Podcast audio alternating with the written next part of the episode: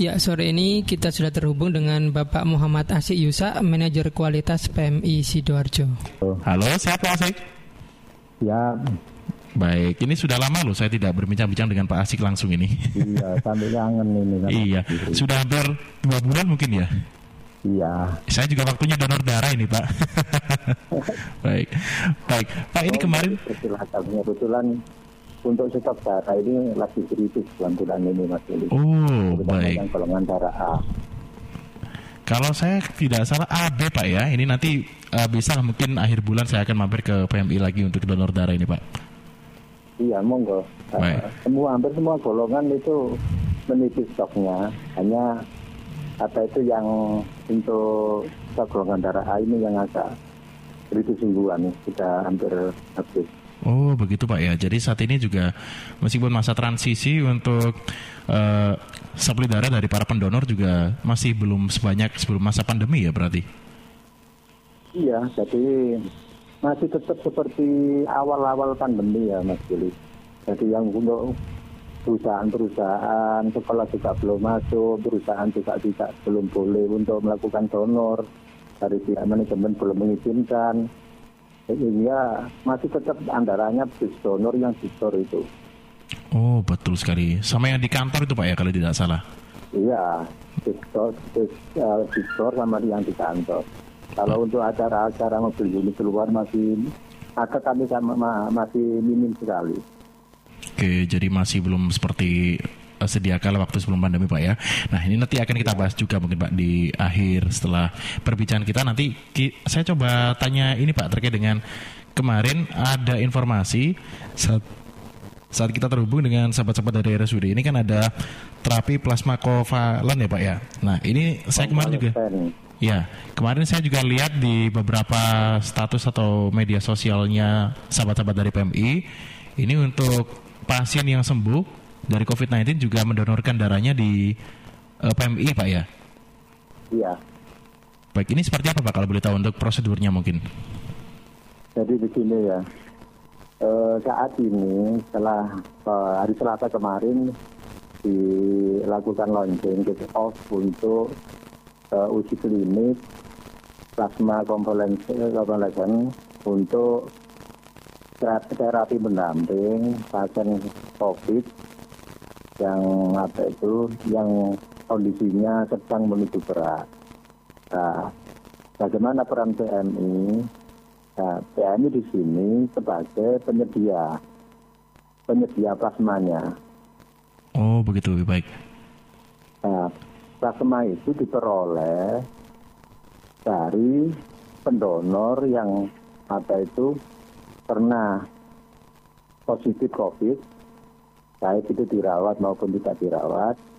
Jadi harus ada surat keterangan, a- ada hasil COVID positif, kemudian sembuh, sudah dinyatakan sembuh oleh oleh dokter, ada surat keterangan sembuh kan dari kesehatan atau puskesmas kemudian ditunggu 14 hari tanpa gejala nah setelah itu baru boleh donor Oh, baik. demikian. Baik, jadi memang eh, untuk para penyintas ini ya maksudnya ya mungkin iya. baik OTG maupun yang dulu pernah dirawat. para penyintas. Jadi dari dari ex pasien COVID untuk pasien COVID. Jadi pasien COVID yang sudah sembuh tapi harus ada simbol antibodinya Mas Billy. Jadi yang ditransfusikan itu antibodinya yang ada di plasma.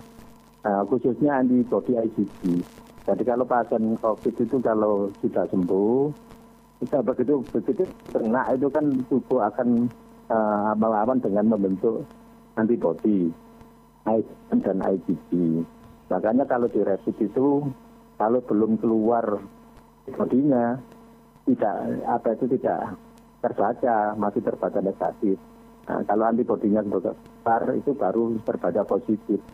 Nah, dari antibody itu kalau IgM sama IgM-nya sudah hilang, tinggal IgG-nya itu yang diambil apa itu untuk donor. Tapi Oh, dengan persyaratan-persyaratan yang amat ketat gitu. Persyaratannya seperti apa saja Pak kalau boleh tahu saya? Jadi sebelum donor itu harus mengisi info konsen namanya dulu kapan mulai dirawat kena covid dan sebagainya terus kondisinya selama ini bagaimana? Itu akan ditanyakan mengisi form seperti itu. Kemudian pendonor itu harus setuju kalau diambil plasmanya.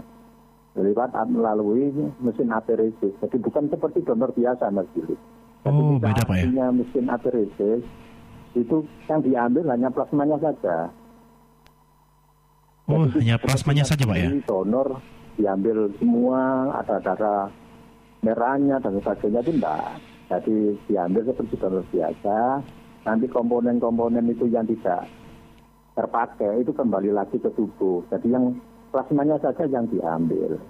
Nah, kemudian uh, diambil sampelnya donornya, diambil sampelnya, diperiksa secara lengkap untuk mengetahui HB-nya berapa, kadar apa leukositnya berapa dan sebagainya. Semua itu harus normal. Kemudian kalau itu sudah lolos, misalnya itu baru dilakukan pemeriksaan titer antibody. Halo. Ya, baik. Berarti uh, sebenarnya untuk step-stepnya masih sama, Pak ya? Kenapa? Stepnya untuk uh, para pendonor mungkin dari penyintas tadi juga mungkin kalau saya waktu mendonorkan darah kan harus tidur yang cukup, kemudian juga mungkin pola makan sebelum donor ya, juga dijaga. Tetap sama, Pak ya? Persyaratan yang itu sama seperti pendonor biasa. Tapi ini screeningnya lebih ketat Mas Billy. Nah, kemudian setelah diperiksa titer antibodinya, ya itu sudah ada apa apa tidak ada, terus kalau ada itu kadarnya berapa dan sebagainya itu diperiksa. Oh, Kalau baik. sudah keluar antibodinya, IgG-nya keluar apa itu uh, tingginya misalnya titernya itu seper 160 apa seper 80 itu minimal diambil lah baru kita lanjut kita lanjut dengan pemeriksaan penyakit menular lewat transfusi darah oh, misalnya baik. hepatitis B hepatitis C HIV sifilis itu dengan metode dia kalau kliennya sudah oke, okay, itu dilanjutkan ke NAT. NAT itu seperti PCR, itu seperti swab. Oh, baik. Jadi kalau NAT-nya sudah lolos, screening antibodinya juga sudah lolos, golongan darahnya sudah diketahui, baru diacarakan untuk donor. Oh, nah, baik. Proses donor memang beda dengan donor konvensional biasa, karena butuh waktu kira-kira satu jam untuk selesai mulai awal sampai akhir. Baik. Untuk diambil plasmanya. Kalau biasa mungkin sekitar 15 menit begitu Pak ya? Ya, kalau donor biasa itu antara paling paling lama harus harus 15 menit Mas Billy. Kalau lebih dari 15, 15 menit itu darahnya juga apa itu tidak bisa tidak diberikan. Karena kalau lebih 15 menit itu pasti itu ada ada itu ada stok sel stok sel ada gumpalan-gumpalan yang ikut masuk. Karena macet kan.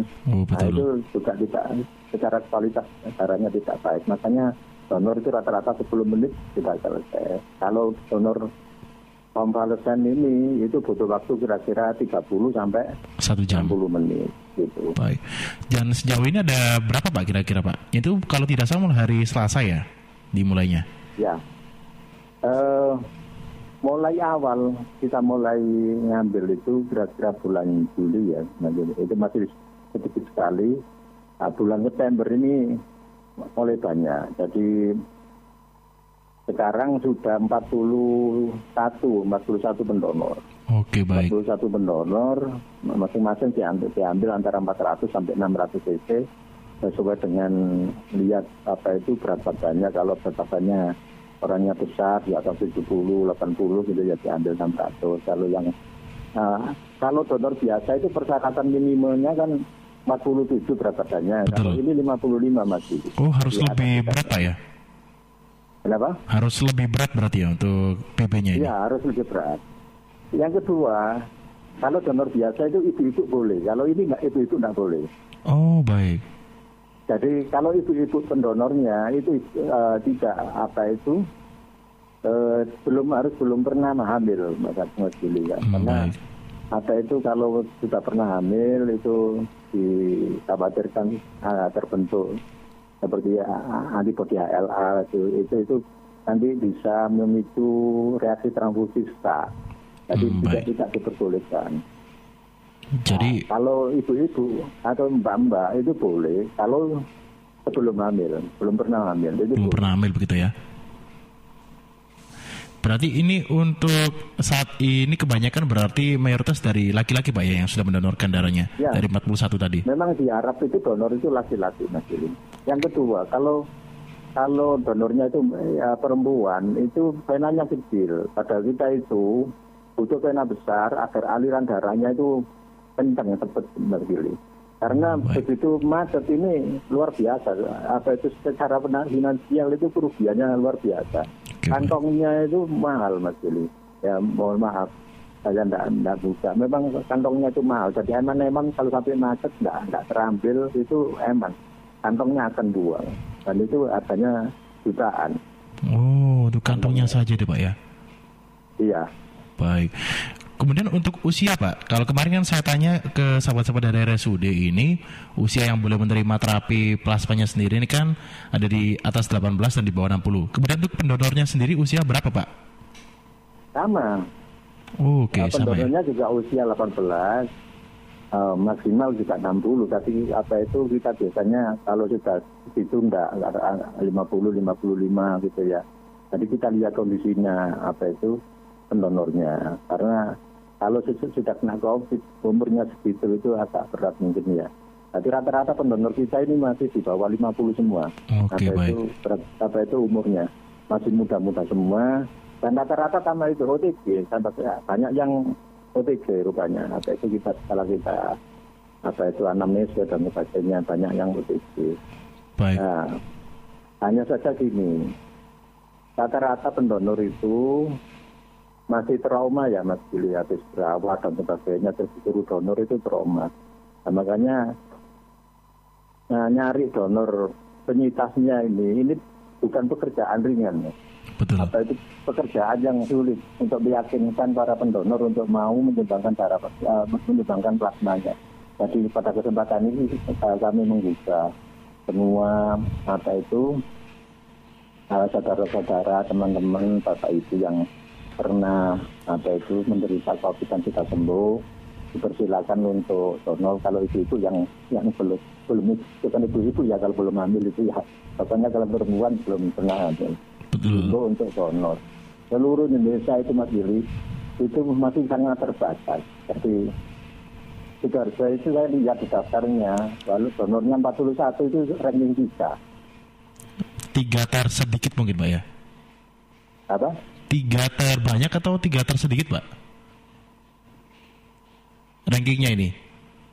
Kenapa? Untuk rankingnya ini maksudnya tiga paling bawah atau- tiga paling atas Pak? Enggak.